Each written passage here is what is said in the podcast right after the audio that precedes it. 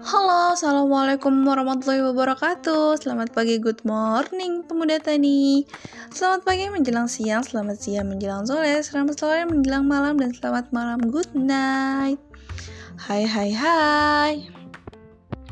Hari ini adalah hari perdana aku di mana aku akan memberikan informasi mengenai pertanian Indonesia.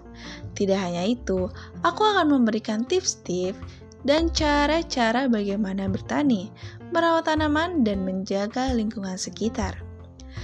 Aku akan memberikan beberapa informasi mengenai pertanian Indonesia. Sekarang ini, lampau, atau mungkin yang akan datang. Lalu, bagaimana pemuda menyikapinya? Menanggapinya? Apakah mereka peduli atau tidak? Dengerin saja ya. Selalu dengerin di Postpert Indonesia. Postpert Indonesia? Apa sih Postpert Indonesia? Postpert Indonesia. Postpert Indonesia singkatan dari podcast seputar pertanian Indonesia. Postpert akan memberikan informasi seputar pertanian dari berita, pengalaman bertani, tata cara bertanam, tata cara bertani, dan masih banyak lagi informasi yang akan disampaikan di Postpert. Ada pepatah berkata, tak kenal maka tak sayang. Izinkan aku memperkenalkan diri terlebih dahulu ya. Perkenalkan, nama aku Rini Khairunisa, mahasiswa Sekolah Vokasi IPB semester 5 Bidang Studi Komunikasi Angkatan 55. Hari ini, perdana aku akan memulai membuat podcast pertanian.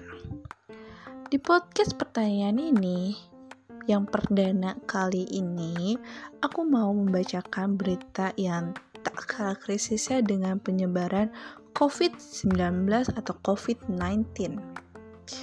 Sebagai negara kepulauan dan memiliki wilayah yang luas, Indonesia adalah negara yang dianugerahi oleh kekayaan alam yang tidak pernah ada habisnya.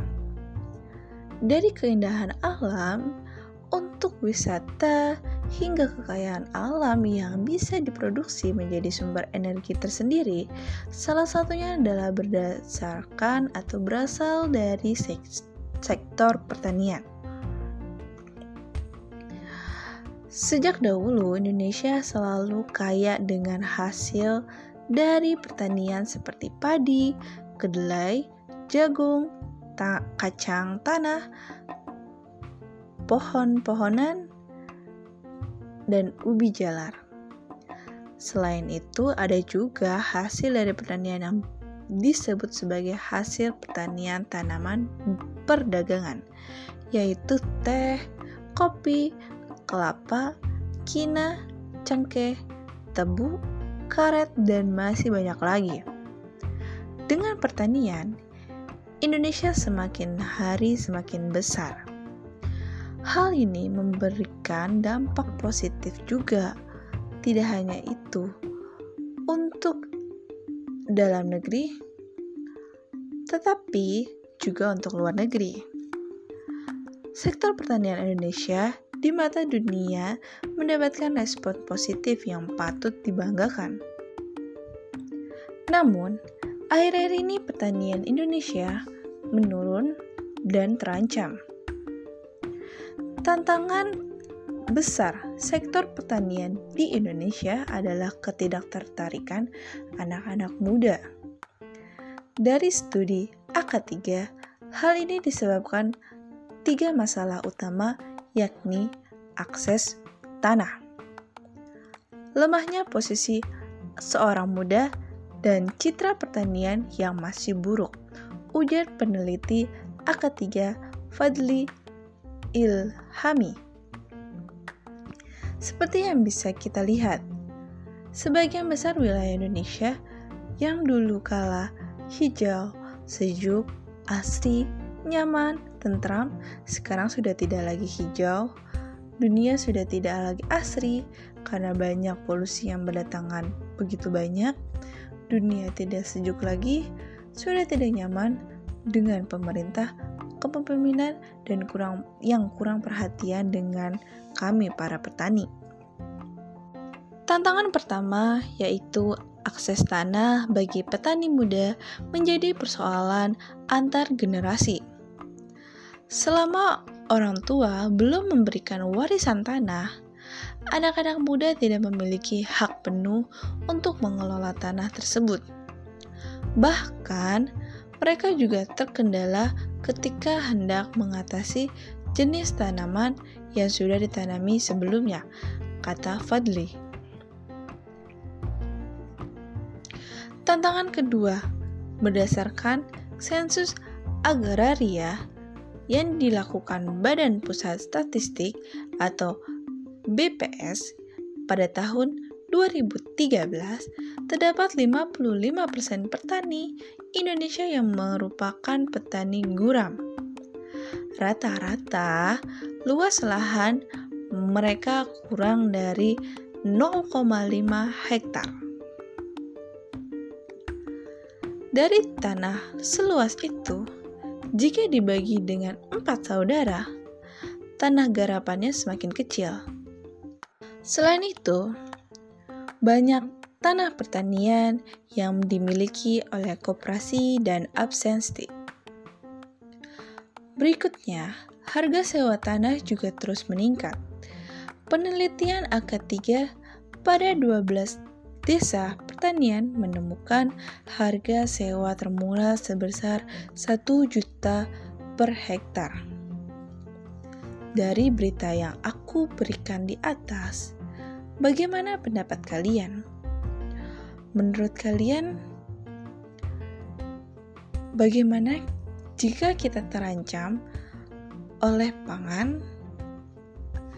Dan bagaimana yang akan kalian lakukan setelah mendengar ini? Oke, aku akan melanjutkan. Ada beberapa saran dari AK3. Ada enam rekomendasi yang disarankan oleh AK3 agar sektor pertanian mampu menarik minat anak-anak muda. Yang pertama, mendorong penyediaan dan akses tanah. Ya, seperti yang kita dengar pada awal tadi, terdapat lahan pertanian sudah mulai digarap dan sudah banyak yang hilang. Lalu yang kedua, mendorong pemerintahan desa memberikan sistem intensif atau disintensif bagi petani muda Ya, banyak juga petani-petani muda di desa yang tidak mengerti dengan gadget atau teknologi yang sekarang sedang uh, canggih, tapi tidak ada juga bantuan dari pemerintah untuk membuat penyuluhan tentang pertanian. Selain mereka tahu dari orang tua yang petani atau mereka yang ingin cari tahu sendiri. Itu sangat amat susah dan sangat amat kurang uh, penyuluhan-penyuluhan seperti itu. Lanjut yang ketiga, yaitu mendorong penggunaan teknologi tepat guna tanpa menghilangkan pekerjaan buruh tani. Saran berikutnya, mendorong jenjang antara orang pedesaan dengan praktek positif yang mendorong regenerasi. Lalu yang kelima, membentuk hubungan informasi yang mampu mendorong regenerasi. Regenerasi yang terakhir, memastikan keberlanjutan dengan memastikan stabilan harga dan kepastian pasar. Jika kita lihat dengan ukuran kecil bumi dibandingkan ukuran bumi kecil yang sekarang dengan yang dahulu kala sangat amat berbeda. Dahulu kala dengan pepohonan yang menyejukkan segalanya, hijau, asri, sejuk. Sekarang lahan-lahan dibuat untuk perumahan, digarap untuk pabrik-pabrik, air yang mengalir ke lahan-lahan pertanian tercemar oleh limbah-limbah pabrik dan masih banyak lagi yang mengakibatkan pertanian di Indonesia sangat krisis untuk berkembang. Dari pengalaman Evi Sofia dari kelompok petani organik Ketan Pedo Cibiru Sukabumi, petani pemerintah belum sepenuhnya mendukung petani kecil pemerintah perlu memberikan apresiasi kepada petani perempuan dan anak-anak muda yang terjun pada sektor pertanian karena tidak mudah menjadi petani milenial di era sekarang. Kebangkitan petani milenial sebenarnya cukup baik.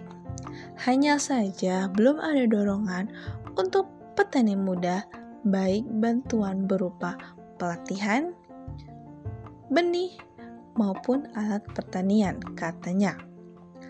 KSI adalah kemitraan antara pemerintahan Indonesia dan Australia yang didanai oleh Departemen Luar Negeri dan Perdagangan atau DFAT.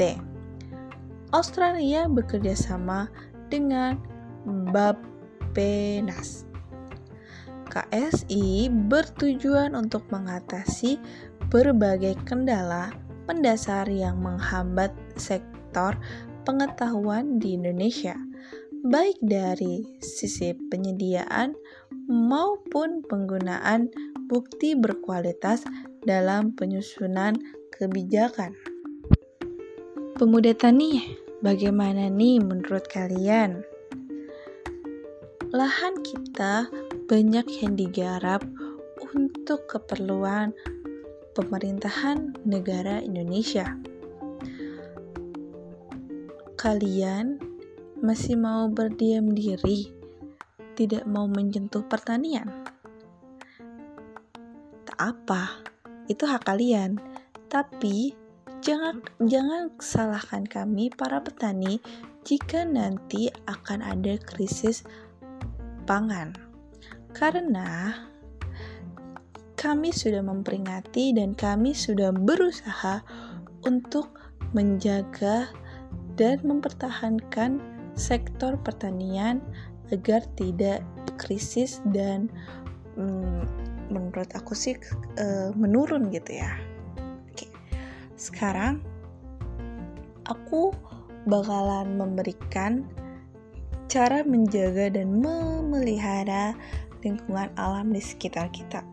Yang pastinya kalian sudah tahu dong bagaimana cara mencegah dan menjaga lingkungan kalian. So, karena menjaga lingkungan kalian itu sangatlah mudah. Bukan berarti aku menyepelekan ya guys, tapi kegiatan ini adalah kegiatan yang seharusnya kalian lakukan agar mencegah suatu bencana alam yang tidak kita inginkan. Dan juga mencegah alam ini bisa hmm, salah satunya juga bisa membuat para petani menjadi makmur dan hmm, merasa mereka tuh dihargai. Karena masyarakatnya saja mau menjaga lingkungannya agar uh, tanah mereka, tanah lahan mereka ataupun air untuk yang mengalir ke lahan tidak tercemari oleh uh, sesuatu yang tidak baik. Salah satunya adalah membuang sampah. Semisal kamu membuang sampah sembarangan, itu akan mencemari air yang akan mengalir ke lahan-lahan pertanian dan akan mencemari juga untuk kesuburan tanah dan menyebabkan pohon-pohon yang akan tumbuh menjadi tidak baik atau yang salah satunya adalah bantet ya. Bukan bantet sih uh, gagal gitu ya gagal. Jadi ya bisa jadi uh, kerugian untuk si petani sendiri. Ya seperti yang sebelumnya tadi ya itu salah satunya ya. Salah satu contoh untuk menjaga lingkungan kalian tidak membuang sampah ke sungai, ke rawa, atau ke mana pun yang menyebabkan suatu kejadian yang tidak diinginkan.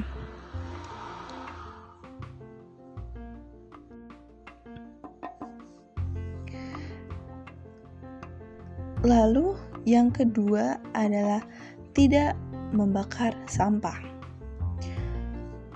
Lalu, sampahnya diapakan? Mengapa tidak boleh membakar sampah? Membakar sampah dapat melepas gas-gas yang menyebabkan kerusakan ozon, mengatur jumlah atau posri sinar ultraviolet yang masuk ke dalam permukaan bumi, melindungi bumi agar sinar violet tersebut tidak masuk mengenai permukaan bumi. Salah satunya uh, itu bisa jadi kita bilang adalah rumah kaca. Kalau kita kebanyakan memakai AC atau barang elektronik yang membuat lapisan ozon itu menipis, maka sinar siluet itu akan masuk dan akan membuat suatu uh, yang um, tidak seharusnya masuk dia masuk ke dalam bumi. Ya yang yang ada di luar angkasa gitu. Gitu sih sepengetahuan aku di uh, pelajaran IPA oke okay, lanjut yang ketiga yaitu menghemat energi. Menggunakan produk daur ulang menanam pohon. Kegiatan ini dilakukan dengan memiliki manfaat agar mencegah terjadinya abrasi yang menyebabkan rumah masyarakat menjadi longsor hanyut ke sungai. Abrasi adalah proses pengikisan pantai yang dikarenakan tenaga gelombang laut atau arus laut yang memiliki sifat merusak. Biasanya, abrasi sering disebut juga dengan nama erosi pantai. Erosi ya, bukan emosi. Nanti kebalik loh sama erosi dan emosi hati-hati loh, itu sangat berbeda. Jangan sampai ketuker ya. Oke, yang selanjutnya yang terakhir aku akan uh, langkah yang terakhir ini adalah melarang pemburuan liar. Kenapa? Karena pemburuan liar adalah merupakan suatu kegiatan pengambilan hewan atau tanaman liar secara ilegal yang bertentangan dengan peraturan konver, konservasi serta manajemen kehidupan liar. Pemburuan liar ini merupakan suatu tindakan pelanggaran terhadap peraturan dan hukum pemburuan. Ya, memang kita tidak boleh yang namanya berburu liar, maupun itu hewan ataupun pertanian, itu tidak boleh ya teman-teman. Karena kita itu harus menjaga sesama, harus menjaga hewan yang sedang dilindungi, tumbuhan yang sedang dilindungi, Agar apa? Agar mereka tetap bisa kami lestarikan dan kita ber, kita kembang biakan lagi menjadi banyak dan kita bisa mencegah yang namanya tadi erosi. Oke okay guys, sepertinya uh, sudah sekitar uh, ya pemuda tani sudah di penghujung kita podcast. Hmm, sedih deh, tapi jangan khawatir. Minggu depan aku akan balik lagi dan aku akan memberikan informasi-informasi mengenai pertanian. Penasaran kan? Apakah pertanian Indonesia makin berkembang, makin menurun, atau standar-standar aja? Dan kita nggak tahu pahlawan pertanian kita siapa. siapa yang sedang berjuang untuk pertanian kita karena dari da, dari uh, berita-berita yang aku tangga aku ambil aku bacakan tadi dan juga aku pernah bertemu dengan salah satu guru aku yang dia uh, sarjana pertanian beliau berkata jika kita masuk di fase pertan uh, krisis pertanian, kita tidak bisa apa-apa. Bisa jadi negara ini akan hancur, banyak kematian, dan tidak tahu masa depannya seperti apa. Jadi, buat para pemuda petani harus tetap semangat ya dan harus selalu mencari tahu bagaimana cara bertani, berkembang uh, mengembangi pertanian dan harus selalu bisa uh, mengajukan kalau kalian bisa ya mengajukan untuk tidak digarap lahan-lahan pertanian. Udah pemuda tadi cukup sekian ya. Jangan lupa minggu depan aku bakalan ada lagi dan jangan lupa juga yang mau komen-komen, yang mau kasih saran atau yang mau uh, kasih informasi yang lainnya, boleh langsung aja ke IG aku DM IG aku. DM aja ke Rini underscore Hayunisa nggak pakai R ya. Hayunisa bukan Hairun tapi Hayunisa oke? Okay? jangan lupa ya. Oh mau aku ajain boleh? At R I N I underscore C H O I U N N I S A. Yang gambarnya foto aku kok. Nggak usah pada repot-repot cari-cari yang lain. Oke, sekian ya teman-teman. Pemuda tani. Jangan lupa selalu semangat, jaga diri kalian dan selalu waspada. Dan selalu berhati-hati, jaga kesehatan juga ya. Bye bye.